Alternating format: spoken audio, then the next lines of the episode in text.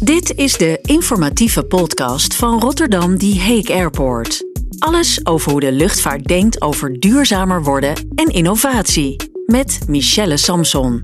Welkom bij de eerste podcast van Rotterdam Die Hague Airport. De eerste twee afleveringen gaan over duurzame luchtvaart. Mijn naam is Michelle Samson en ik ben duurzaamheidsmanager van Rotterdam Die Hague Airport. Het aardige wat je in, in Nederland ziet is dat er een enorme kracht aan het ontstaan is in de afgelopen jaren van alle stakeholders, waarbij eh, nou ja, er hier een aantal aan tafel zitten, om samen die luchtvaart daadwerkelijk te vergroenen. En dat proberen wij als speel in het web met kennis eh, over, over nieuwe, nieuwe brandstoffen proberen we dat te ontwikkelen.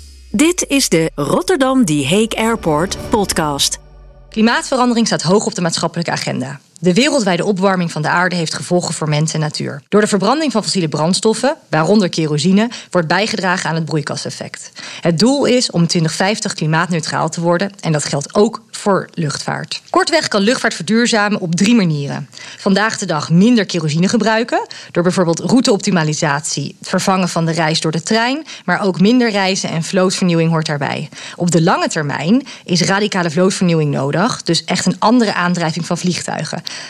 Dat gaan we in de volgende aflevering bespreken. En op de korte termijn en de middellange termijn is het vervangen van kerosine voor duurzame vliegtuigbrandstof de oplossing. Vandaag gaan we het dan ook hebben over duurzame vliegtuigbrandstof, ook wel Sustainable Aviation Fuel, kortweg SAF. Hiervoor heb ik drie interessante gasten uitgenodigd: Dick Benschop, Tije Veen en Wieneke Haagsma. Na deze podcast zijn jullie helemaal bijgepraat over het belang van duurzame luchtvaartbrandstof, de ontwikkeling aan de vraag- en de aanbodkant en de uitdagingen die we nog hebben. Laten we even luisteren hoe het Fly on SAF-programma werkt. Reis je binnenkort vanaf Rotterdam Die Hague Airport? Maak jouw vliegreis dan duurzamer door het kopen van duurzame vliegtuigbrandstof. Oftewel, Fly on SAF. Ga naar www.rtha.com slash flyonsaf en vul jouw gegevens in. De tool berekent vervolgens de CO2-uitstoot van jouw vlucht. Onze partner Sky Energy levert jouw aandeel duurzame vliegtuigbrandstof af bij een vliegveld dichtbij een productiefaciliteit. Na het invullen van al je vlieggegevens ontvang je per mail een certificaat van jouw geleverde duurzame vliegtuigbrandstof. Zo kun je aantonen hoe duurzaam je bent. Wij wensen je een fijne reis. Dick, bij onze eerste gast. Je studeerde geschiedenis aan de Vrije Universiteit. Uh, je was staatssecretaris van Buitenlandse Zaken voor Partij van de Arbeid. Uh, in 2011 president-directeur van Shell. En sinds 2018 president-CEO van Royal Schiphol Groep. Welkom. In meerdere interviews gaf je aan dat 2022 het jaar wordt voor verduurzaming voor Schiphol.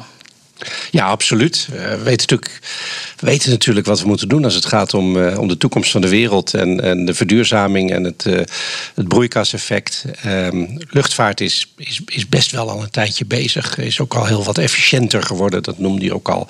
Alleen we moeten nieuwe grote stappen gaan zetten. En ik denk dat 2022 op het gebied van de, de verduurzaming van de brandstoffen het jaar is waar we echt gaan beginnen met die grote stappen. Zowel aan de kant van de vraag, de consumptie, als aan de kant van de productie. En hoe gaan we dat doen en hoe kunnen we dat versnellen? Dat is voor, voor mij het jaar 2022. Grote stappen. Wat gaat de Nederlandse reiziger daarvan merken? Nou, die, die gaat merken dat ze ook keuzemogelijkheden krijgen. Dat vind ik wel heel interessant. Um, ja, je, we praten natuurlijk aan de ene kant over wetgeving en er moet brandstof bijgemengd worden. En ja, als je in het vliegtuig zit, zie je dat natuurlijk niet en je voelt het ook niet. Um, maar bij het boeken kun je ook keuzes maken. Net zo goed, je noemde al, hè, bewust reizen. Uh, welk vervoermiddel neem ik? En ook de vraag van ja, al een tijdje zijn mensen gewend om te compenseren. Maar nu kun je ook, als je gaat boeken, niet alleen kijken of je je CO2-uitstoot kunt compenseren, maar ook of je voor jouw vlucht duurzame brandstoffen kunt kopen. Ja, en dan gaan we natuurlijk het dilemma van wel willen reizen, maar weg met die CO2, dat gaan we dan natuurlijk echt aanpassen. En, en die mogelijkheid die gaat er nu komen. Dat... Leuk, nou daar gaan we het zeker over hebben. Gelijk een goed bruggetje naar onze tweede gast, Tije Veen. Tije studeerde economie aan de Universiteit van Amsterdam. Was CFO van de strategieconsultant uh, Spring Associate. En sinds 2010 medeoprichter en directeur van Sky Energy. Welkom. Dankjewel. Dankjewel. Sky Energy is pionier en wereldmarktleider op het gebied van duurzame brandstoffen. Um, het is ook jullie missie om SAF, Sustainable Aviation Fuel, de nieuwe wereldwijde standaard te maken. En ja, dan is natuurlijk de grote vraag: hoe, hoe doet Sky Energy dat? Ja, dat is een goede vraag. Dat, uh, dat, dat was de vraag die wij ons in, in 2010 ook stelden, samen met KLM eigenlijk destijds. Van hoe kan je de luchtvaart enigszins gaan verduurzamen? En uh, nou, de, grote, de, de, de, grote olifant in de kamer was toch wel de brandstof van een airline. De koffiekopjes vervangen voor, voor karton of papier, dat, dat heeft toch heel weinig effect. En in 2010 hebben we gezegd van nou laten we eens kijken of we, of we met duurzame brandstoffen aan de, aan de slag kunnen. Wat op dat moment echt nog heel ver weg was. En we zijn, we zijn gaan, gaan onderzoeken, we zijn gaan, gaan prediken dat, dat uh, verduurzaming van die luchtvaart uh, moest, moest komen. En in 2015 hebben we gezegd van nou. Er gebeurt eigenlijk te weinig. Dus laten we zelf fabrieken gaan ontwikkelen. En, en met onze partners en dat is het, het aardige wat je in, in Nederland ziet, is dat er een enorme kracht aan het ontstaan is in de afgelopen jaren van alle stakeholders, waarbij nou ja, er hier een aantal aan tafel zitten, uh, om samen die luchtvaart daadwerkelijk te vergroenen. En dat proberen wij als speel in het web uh, met kennis over, over nieuwe, nieuwe brandstoffen, proberen we dat te ontwikkelen. Dus jullie rol in de duurzame brandstofketen is echt het verbinden van vraag en aanbod. En uiteindelijk het ontwikkelen van uh, een fabriek. Zoals in Delcel zijn we een fabriek aan het ontwikkelen. En we zijn in Amsterdam en in Rotterdam zijn we ook met demo- en pilot-schaal uh, fabrieken bezig. Omdat het allemaal nog wel een, een, een, nieuwe stap is. En wat Dick terecht zegt, 2022 is een heel belangrijk jaar. Want nu moeten we laten zien dat het ook daadwerkelijk gaat beginnen. En daar hebben we iedereen voor nodig. Ja. En ook een klant. En dat brengt mij tot onze derde gast, Wieneke Haagsma. Wieneke uh, studeerde af op klimaatverandering en rapportering. En werkt inmiddels tien jaar bij PwC. En sinds 2018 is ze directeur Corporate Sustainability bij PwC Nederland. Welkom. Nou, Wieneke, je bent geen vreemde voor de luchtvaartsector. Uh, je bent betrokken geweest bij het akkoord Duurzame Luchtvaart. Je hebt ook een CO2-budget ingesteld bij PwC Nederland. om uiteindelijk ook dat budget te gebruiken voor uh, uh, elektrisch vliegtuig bij NLR te schenken. Je bent ook voorzitter van de werkgroep Anders Vliegen bij de Anders Reizen Coalitie. Dat is toch wel, uh, wel een bijzonder rijtje zo. Voor iemand die net niet eigenlijk in de, in de luchtvaartsector uh, zit. Hoe, vertel, wat, wat, wat vind je zo belangrijk aan die verduurzaming voor de luchtvaartsector? Het zijn twee elementen eigenlijk. Allereerst zakelijk. Als je kijkt naar PwC, waar ik werk, dan is onze purpose een bijdrage leveren aan belangrijke problemen oplossen. En de klimaatverandering is natuurlijk een heel belangrijk probleem. En daarom heeft PwC eh, gezegd van we willen geen emissies meer uitstoten in 2030. Toen we dat deden in 2017, toen was of toen en nog steeds, toen, toen was de luchtvaart de grootste hersenkraker. Eh, omdat het en nog steeds, kant, denk ik. En nog steeds, omdat het uh, heel materieel is. Uh, van onze eigen CO2, van onze eigen operatie is 90% komt van mobiliteit en destijds 50% van de luchtvaart. Um, en daar waren op dat moment gewoon toch betrekkelijk weinig mogelijkheden om dat te verduurzamen. Dus dat was een goede hersenkraker en heel materieel. Dus daarom was het zakelijk zo relevant. En persoonlijk, uh, maar ik denk meerdere hier, mensen hier aan tafel, enorme passie voor reizen, voor op avontuur gaan. Nou, dat kan binnen Europa en op korte afstand natuurlijk met de trein. Maar uh, intercontinentaal doe je dat met het vliegtuig. Dus, uh, en ik zou dat heel graag willen blijven doen, persoonlijk ook privé, zonder schade aan de natuur of aan de mens. Dus die twee ja. elementen komen samen. En, uh, passie dus, en zakelijke relevantie. Ja, dus echt de CO2-footprint terugbrengen, maar wel mogelijk behouden van, van, de, van de mobiliteit. Ja. Mooi. Voordat we het gaan hebben over de toekomst, gaan we eerst even luisteren naar een, uh, hoe het ooit begon. De burgerluchtvaart begint na de oorlog pas goed als Plesman in 1919 de KLM opricht. De eerste vlucht naar Londen vindt plaats in 1920. Echt veel wordt er in die tijd nog niet gevlogen, maar Plesman blijft heilig geloven in de toekomst van de luchtvaart. Hij richt zich hierbij niet alleen op het vervoeren van passagiers, maar ook op vrachtvervoer. Dus dit was uh, hoe het ooit begon, maar we gaan het eigenlijk hebben over de toekomst. Want we hopen dat luchtvaart nog de komende 100 jaar ook nog ons uh, de hele wereld overbrengt. Um, nou, Dick, je begon eigenlijk al enthousiast te vertellen over de duurzame brandstoffen. Um, je hebt daar ook gepleit uh, voor de verstelling daarvan bij de Klimaatop in Glasgow. Schiphol investeert ook in de productiefaciliteiten in Delfzijl, in Amsterdam en Rotterdam. En ook hebben, heeft Schiphol zich actief ingezet voor het fuel mandate. Um, ja, we kunnen wel zeggen dat je een voorvechter bent eigenlijk voor duurzame brandstoffen. Is dit, is dit ook de oplossing voor de korte termijn? Ja, ik denk dat dit, uh, als we praten over wat gaan we dit decennium bereiken. En, en zijn we in staat om dat dilemma, zoals Wieneke dat ook schetst, hè, zowel voor het bedrijf als voor zichzelf. En elk bedrijf en elke burger heeft te maken met dit dilemma. Dat moeten we gaan oplossen. En de grote stappen die we nu kunnen zetten is behalve zuiniger worden, hè, energie besparen helpt. Vliegen doet dat eigenlijk vrij goed. Gelukkig hebben we ook weer grote aankondigingen gezien nu uh, van Nederlandse luchtvaartmaatschappijen zoals de KLM in, in nieuwe vliegtuigen. Helpt enorm. Maar ja, de volgende grote stap is die, uh, is die van de duurzame brandstof. En dan beginnen we natuurlijk met, uh, met, met bio. En tegelijk moeten we ook alweer bezig met synthetische kerosine. Uh, omdat er natuurlijk ook weer grenzen zitten straks, ook vanuit duurzaamheidsoverwegingen zelf. Hoeveel bio kun je gebruiken? Dus je moet uiteindelijk ook naar synthetische kerosine toe. En dan heb je natuurlijk toch een, een circulair product. Ja, ja, want dat is gelijk het allerbelangrijkste. Die brandstoffen moeten wel duurzaam zijn. Tijen, wat is het verschil met uh, de fossiele kerosine zoals we die kennen in emissies? Nou, de emissie in een vliegtuig is eigenlijk niet zo heel anders dan, uh, dan uh, met, met fossiele brandstoffen. Alleen je, je hergebruikt eigenlijk de CO2 uh, in, een, in een cyclus. En dus in het geval van, van, van biobrandstoffen haal je de, de, de, de C'tjes uit de natuur. En die, die recycle je. Op het moment dat je fossiele kerosine gebruikt, haal je dat uit de aarde. En, en laat je dus meer CO2 vrij dan, dan, dan in het geval van, van biobrandstoffen. Ja, dus we kunnen eigenlijk zeggen dat het in principe dezelfde brandstof is. Alleen je draagt niet bij aan het broeikaseffect, omdat je niet extra CO2 in de lucht. Uh, exact. Okay. Ja. Maar we moeten natuurlijk wel die kerosine, die duurzame kerosine, op gang zien te krijgen. En uh, begin dit jaar heeft KLM al aangekondigd uh, dat zij zijn begonnen met een bijmengpartage van een half procent vanaf de vluchten vanaf Amsterdam. In het Europese programma Fit for 55 wordt er toegewerkt naar 2 procent in 25 en 5 procent in 2030. Wieneke, dat is volgens mij niet, dat gaat niet snel genoeg voor jullie. Nee, nou kijk, het klimaat het probleem is, het klimaat heeft niet zoveel geduld. Nee. He, dus de, de, de, klimaatcrisis wacht op niemand. Uh, en heeft gewoon meer urgentie. En, en het heeft het ook nodig dat iedereen zijn steentje bijdraagt. En daarom vinden wij het ook zo belangrijk als PwC, ook al staan we buiten de luchtvaartsector, we zijn wel een grote afnemer, dat uh, wij dat ook doen, maar dat consumenten dat doen, dat alle partijen dat doen, dat de overheid het doet. Um, dus van mij mag het inderdaad uh, wat harder. daarom heeft PwC ook de ambitie gezet om per 2022 100% op Sustainable Aviation Fuel uh, te vliegen vanaf dit jaar, uh, vanaf nu en de volledige toekomst.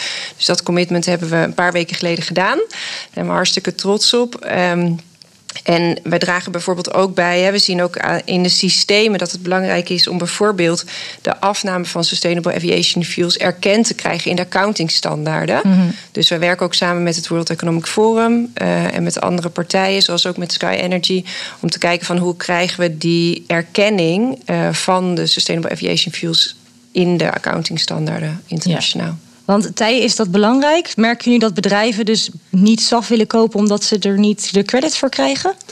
Nou, ik denk dat dat iets is wat, wat uh, enorm belangrijk is om uh, budgetten vrij te krijgen binnen, binnen bedrijven. En uh, uiteindelijk, en de, de, de rol van die, van die ondernemer, onderneming die, uh, die hier aan bij wil dragen, die is, die is, die is, die is, die is groot. En waarom is die zo groot? En ik denk dat, dat die, die kleine percentages die je, die je net noemt, die hebben er ook mee te maken van hoe snel kan je een industrie opschalen. Want uh, wat er nu gebouwd wordt, uh, we, we, bouwen in Delcel bouwen we een fabriek en dat is 2% van het, van het gebruik van Schiphol. Uh, dus je moet 50 van dat soort fabriekjes bouwen om heel Schiphol te vullen. Dus je hebt enorme hoeveelheid investeringen nodig om dat te gaan neerzetten. En dat kan op kleine schaal, grote schaal, nieuwe technologieën. Maar uiteindelijk heb je heel veel investeringen nodig. En die investeringen die kan je pas doen op het moment dat er heel duidelijk een markt aan het ontwikkelen is. En daar spelen die bedrijven uiteindelijk een hele grote rol in. Want die, die moeten laten zien, wij willen dit. Dit is het alternatief voor ons om te kunnen blijven vliegen. Dick, wanneer kunnen we substantiële volumes verwachten van duurzame brandstof in Nederland en specifiek op Schiphol? Ja, ik denk dat dat nu heel snel gaat. Uh, ja, die half procent van de KLM, dat is bescheiden, maar dat zit op elke vlucht. Uh, dus het, het begin is er nu. Plus dat uh, bedrijven, maar zometeen ook consumenten de mogelijkheid krijgen om bij te kopen. Dus een beetje SAF of zelfs 100% SAF, uh, duurzame brandstof, uh, zelf te kiezen. Ja, en als je nu kijkt naar welke aankondigingen er zijn. Ja, Tij is de koploper geweest sinds 2010 en ook de eerste aangekondigde fabriek in Europa. Maar de anderen volgen en dat wilde je ook zo. Neste in Rotterdam, Shell, Argent Energy in Amsterdam. Ik denk als het, als het lukt met al die fabrieken, daar heb je het over stikstof, niet meer over CO2. Maar als het lukt met al die fabrieken, hebben we straks eind 24 1 miljoen ton duurzame vliegtuigbrandstoffen geproduceerd in Nederland. Nou, die gaan niet alleen naar de Nederlandse markt, maar ook verder. Ja, ik herken dat wel wat uh, Dick zegt. Want met Schiphol en KLM en inderdaad ook met Tijen zijn we al heel wat jaren op dit uh, werkveld bezig. En ik zie in de afgelopen zes maanden ook vanuit de andere regio's, dus vanuit China bijvoorbeeld, vanuit de US, ook die vraag echt significant stijgen. Ja, dus niet alleen in Nederland of Europa, je ziet ja, echt wereldwijd. Echt wereldwijd zie je nu ook binnen ons netwerk dat daar ineens over gaat, waar het tot een jaar geleden daar veel minder interesse voor was. Dus dat maakt ons hoopvol, denk ik. En ja, en de, de, Amerikaanse airlines hebben gezegd 10% Zeker. in 2030. Uh, ja, mijn droom is dat de markt sneller gaat dan de wetgever van ons vraagt. Ja. Want dat is onze verantwoordelijkheid en dat is onze opdracht. Dus ja, 2% eh, bijmengen in 2025 van Europa, nou daar gaan we lekker overheen. En zelfs 14% van Nederland in 2030, daar wil ik ook overheen. En ik denk dat het kan. En als de vraag er is, dan komen de fabrieken en de investeringen, kip en ei, eh, gaan we oplossen. En wat we dan ook nog doen, dat vind ik vanuit zeg maar, een Nederlands ook koplopersperspectief zo mooi. Dan gaan we dus de transitie in de luchtvaart verbinden met die in de petrochemie, want die gaat duurzame brandstof op een duurzame manier produceren. En die van de havencomplexen. Want dit is ook de, de omvorming van Amsterdam en, en Rotterdam in de haven. En dan ga je in drie sectoren, kun je gelijk uh, de transitie en de transformatie uh, doormaken. En elkaar helpen en ook aanjagen. Ja, dus ik hoor je eigenlijk zeggen, de vraag gaat zelfs boven de productie uit. Op dit moment uh, is dat absoluut het, het, het geval. Zie je dat ook zo, Tijen? Ja, zeker. Dat, dat is eigenlijk in de afgelopen zes tot negen maanden is dat, uh, is, is dat begonnen. En dat uh, heeft te maken met uh, Europa die, die, die een push geeft, maar ook de duidelijkheid die komt bij de bedrijven die zeggen van nou, wij, wij, willen, hier, wij willen hier aan meedoen. En nou ja, we hebben natuurlijk een aantal bedrijven waar, we, waar wij als Sky Energy gewoon de lange termijn commitment mee hebben. En, en Wieneke met PwC was de eerste in 2018 die zei: wij willen ons vastleggen voor de lange termijn en daar, daar willen we voor betalen. dus we nemen het risico op die, op die duurdere brandstof. En dat zie je nu in Amerika ook. Bank of America heeft net een, een, een, een, groot ding aangekondigd.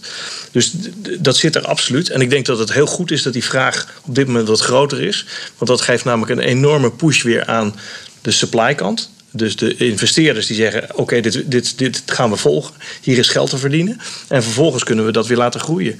DHL, net aangekondigd, 10, 10 in 2030. Dat gaat, om, dat gaat om een miljoen ton. Dus, dus eh, laat ze dat allemaal roepen. Want daarmee gaan we, eh, gaan we de boel echt opschalen. Dus de bedrijven die zijn lekker bezig. Die gaan uh, allemaal roepen ze daarom. Maar Wieneke, vertel eens over jullie programma. Want hoeveel van de zakelijke vluchten eh, gaan jullie nu op 100% SAF uitvoeren? Ja, dus dat is alle zakelijke vluchten. Ja, dat, is onlangs besloten. Dus we hebben in 2018 hebben we inderdaad al een lange termijn contract afgesloten met Sky Energy. En we hebben onlangs besloten om dat niet voor een gedeelte te doen van onze vluchten, maar op al onze vluchten. En dat kost natuurlijk significant veel geld. Ja. Um, en daar was natuurlijk ook wel even discussie over. Maar ik vind het ook belangrijk om te zeggen dat bij ons was het uh, bestuur unaniem in het besluit om het te doen. En dat kwam met name door twee dingen. Kijk, op het moment dat je daadwerkelijk de klimaatcrisis um, echt serieus neemt en daar ook je verantwoordelijkheid in wil nemen, wat wij willen doen als PwC, dan moet je natuurlijk je meest materiële of meest belangrijke dingen waar je schade oplevert, daar moet je iets mee. En als je dan kijkt naar, het, naar de luchtvaart. Natuurlijk stellen we ons. We hebben een, een vliegstrategie van reductie, compensatie, innovatie. En we stellen ons allereerst natuurlijk de vraag: van moeten we vliegen of moeten we met zoveel vliegen? Maar vliegen is een onderdeel van onze uh, dienstverlening ook, van ons werk.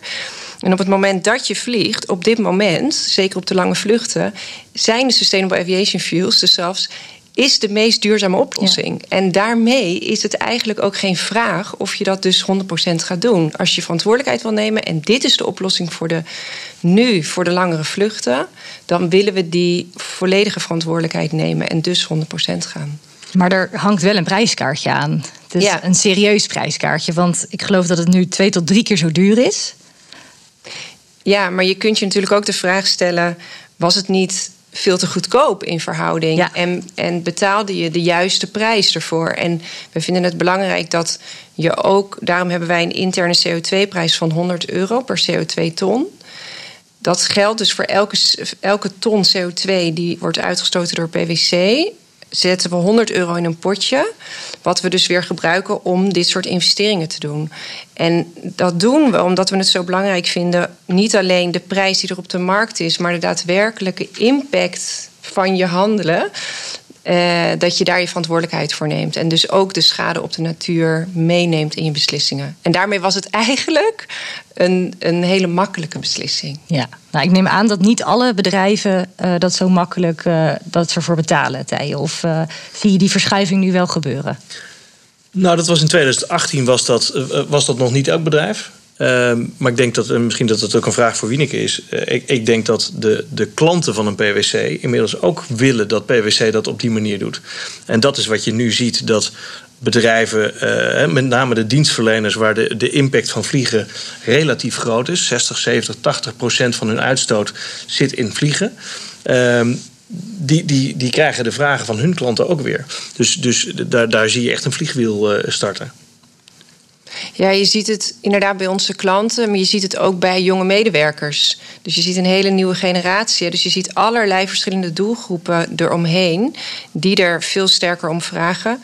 En heel veel internationale bedrijven zetten nu science-based target doelen, hè, dus klimaatdoelen in lijn met het Parijsakkoord. Eh, PwC heeft dat ook gedaan. En daarmee wordt er verwacht dat je ook van je suppliers en van je klanten, dus achteruit en vooruit, de mensen met wie je samenwerkt, dat die ook meegaan in het klimaat. Dus wij krijgen steeds meer vragen van zowel onze suppliers als van onze klanten. Hoe nemen jullie je verantwoordelijkheid? En dat krijgen andere bedrijven, krijgen die vragen ook. En daarmee zie je ben natuurlijk ook voorzitter van de Anders Vliegen werkgroep, waar veel meer bedrijven in zitten, die ook allemaal uh, actie ondernemen rondom de verduurzaming van de luchtvaart. En je ziet dat die stappen en die investeringen die men wil doen, dat dat echt in de afgelopen maanden heel sterk vooruit ja. gaat. Ja. Ja, dus we zien de bedrijven gaan er steeds meer voor betalen. Dick, hoe zit dat met de, met de reizigers, de gewone, de gewone burgers? Ja, nog één voorbeeld wat ik heel interessant vind van, uh, is, de, is de, de vrachtmarkt. Ja? Ja, dat pakketje steekt zijn vinger niet op, maar DHL gaat wel 10% bijmengen, omdat eh, de bedrijven die uh, kijken, zoals, uh, zoals gezegd, door een hele keten heen. Ook in de vrachtsector. Dus de keten moet mee vergroenen. Dus ook het luchttransport komt daarbij aan de orde. En dus als je kijkt naar de eerste voorbeelden. wat in december op Schiphol ook een vlucht van Malaysian Airlines. Een, een, een vrachtvlucht, een cargovlucht. En die ging op 60% duurzame brandstof. En dat was voor hun de eerste. Maar dan wel vanaf Amsterdam naar Kuala Lumpur. Daar zie je weer van ja, we hebben toch wel wat te pakken. hoe wij hier bezig zijn. En ja, dat zijn natuurlijk mooie mooie, mooie voorbeelden. Dus de bedrijven gaan heel snel nu. En Thije noemde ook al zes, negen maanden. Ik zie bijna de versnelling op, op, een, op een schaal van drie of zes maanden. Zie je uh, de ontwikkelingen gaan uh, nu. Um, maar wat ik ook interessant vind, je hebt dus voorlopers nodig die bereid zijn om de prijs van duurzaam vliegen, wat ook op dit moment dan de prijs is, te betalen. Ik hoop wel dat die omlaag gaat, dat als we meer fabrieken hebben, opschalen, uh, het leren, dat dan ook de prijs weer omlaag kan. Uh, het zal altijd duurder blijven, maar dat is dan de prijs van, van vliegen. Moet wel, ik hoop wel dat het niet, niet compleet elitair wordt. Ehm, weer, dat hoeft ook niet, denk ik. Maar we hebben voorlopers nodig, nu ook aan de consumentenkant. En dat vind ik een hele mooie nu. Omdat we, ja, we, we, moeten onze, we kunnen onze dilemma's niet uitbesteden aan de overheid of aan iemand anders die maar het voortouw neemt. We moeten allemaal met de mogelijkheden die we hebben het zelf ook doen. Van verantwoord gedrag tot het betalen van de prijs. En uh, je kan nu dus als consument, en dat begint ook echt op gang te komen, zelf gaan duurzame brandstoffen gaan kopen. Dus ja. los van de vraag wat, uh, wat KLM of uh, wie dan ook uh, al verplicht of niet verplicht bijmengt. Nou, Rotterdam de Heek, Fly on SAF. prachtig programma met Sky Energy. Ga maar zelf, als je het kunt veroorloven. Maar die vraag mag je stellen aan degene die het zich kunnen veroorloven. Ga maar aan de slag. Dan help je mee die ontwikkeling. Je, je, je creëert de markt, dat creëert het aanbod. Dat maakt de productie goedkoper. En straks kunnen weer grotere groepen meedoen. Ik heb het zelf onlangs gedaan. Ik dacht, ja, ik vind mezelf toch in de doelgroep zitten van mensen die zich dat uh, moeten, moeten kunnen veroorloven. Ik, ik boekte een vlucht naar Porto. En uh, bij de KLM in dit geval. En vroeger stond er dan alleen onder CO2: ik, ik kan een boom kopen om te compenseren. Nu kun je een boom met een beetje duurzame brandstof, een boom met een beetje meer duurzame brandstof of 100% duurzame brandstof kopen. Ik heb het laatste gedaan. Was behoorlijk prijzig nog. Uh, maar dat is het begin. En ik denk, uh, ik kan het me veroorloven. Uh, ik, ik doe het. En, en Tijen, denk je, denk je dat de brandstoffen goedkoper worden, zodat die productie echt opgeschaald is? Ik vind dat een hele interessante vraag. En um, ik, ik, ik hoop dat het goedkoper gaat worden. Um, ik weet niet of het goedkoper gaat worden. Want we zitten, we zitten ook wel met grenzen. Grenzen van, van de, de, de bio-oliën die nu gebruikt worden voor deze SAFs. Die, uh, die, die zijn beperkt. Dus we moeten het heel erg gaan hebben straks van nieuwe technologieën. En ja, de vraag is: uh, synthetische kerosine, een fantastisch mooi verhaal. Alleen daar heb je heel veel elektriciteit voor nodig. Dus hoe, hoe duur gaat de elektriciteit worden? Um, ik denk dat we, dat we uh, over de lange termijn op een gegeven moment weer goedkoper gaan worden. Maar het zal nog wel een tijdje uh, wel duur blijven. En ik, ik ben het met Dick eens. Je wil niet dat het een soort elite ding wordt weer.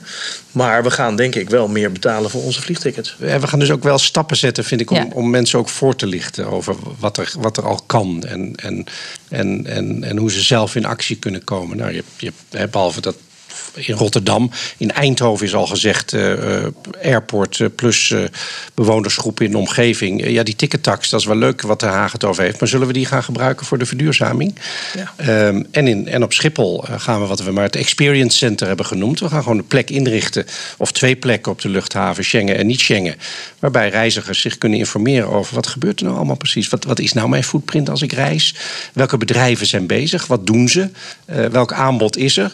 Oh jee, uh, ik heb daar eigenlijk nog niet over nagedacht. Tot en met misschien wel de mogelijkheid om uh, ter plekke nog uh, duurzame brandstoffen bij, bij te boeken. Um, dus op die manier gaan we dus toch die hele marktkant, niet alleen aan de bedrijven die al wat langer bezig zijn, maar ook aan de consumentenkant ontwikkelen. En dat is het, het vliegwiel waar we naar op zoek zijn. Ja, ik herken ook wel dat het is ook nog best wel onbekend. Dus als we, wij zitten er volgens mij allemaal in. En dan denken we, ja, dat is ook logisch. Want het heeft zo'n significante CO2-reductie. En, en dus is het logisch dat je de stap neemt. Maar je ziet ook dat, ook binnen bedrijven en, en zeker bij consumenten, dat het gewoon nog heel erg onbekend is. En daarom hebben we ook die groep dat we met meerdere bedrijven, zoals met Schiphol, of onlangs ook weer in de groep voor de bedrijven een uitgebreide presentatie over wat er dan precies nu mogelijk is op het gebied van SAF. Die informatie met elkaar delen. En het mooie, wat, wat ik Dikke ook hoor zeggen, dat herken ik heel erg.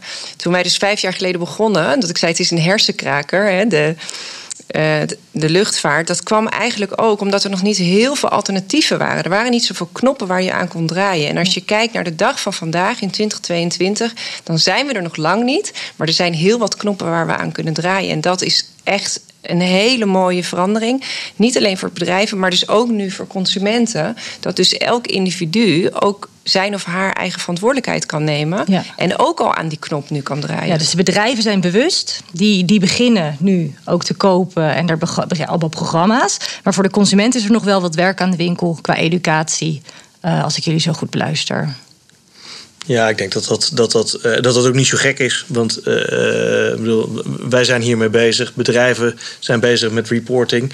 Op het moment dat jij met je familie op vakantie gaat, dan, dan is dat niet iets waar je bij stilstaat. Dus ik denk dat daarom het Experience Center, wat ik een prachtig initiatief vind, maar ook zo'n concept als Fly on SAF heel erg bedoeld is. Hè, niet zozeer om hele grote volumes te gaan maken met elkaar, maar meer om, om duidelijkheid te brengen naar het publiek. Dat, dat je, uh, nou ja, wat de impact van vliegen is. Ja. En dat er mogelijkheden zijn om inderdaad aan knoppen te draaien. Waar je, waar je, uh, nou ja, waar je zelf de keuze hebt om, om het goede te doen of om, het, uh, om andere keuzes te maken. En ik denk dat dat, dat dat eigenlijk het allerbelangrijkste is wat, we nu, wat nu voor ons staat. Is dat we het grote publiek hiermee bekendmaken. En wat als iedereen massaal duurzame brandstoffen wil kopen? Kan dat? stapje voor stapje. Maar de consument, de, als de consument dat gaat doen, dan, dan komt de industrie er heel hard achteraan. Daar ben ik van overtuigd. Oké, dat is fijn. En hoe waarborgen we die duurzaamheid van die brandstoffen? Dat is een hele, eh, een hele belangrijke vraag. En uh, we hadden het net al heel eventjes over van ja, hoe zorg je ervoor dat je, dat je het goede doet.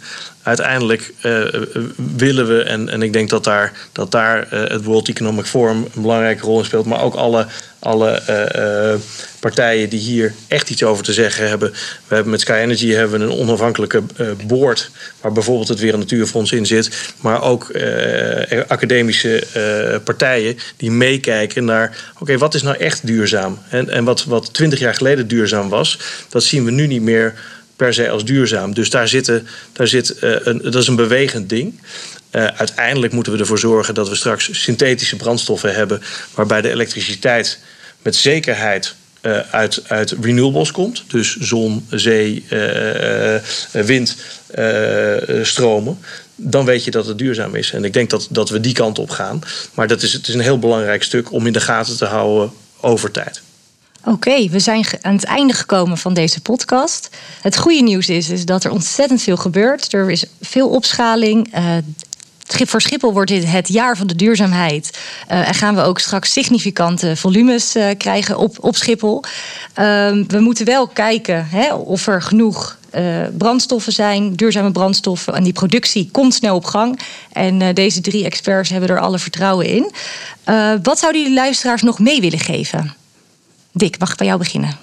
Ja, ik ben, ik ben hier gewoon heel positief en enthousiast over.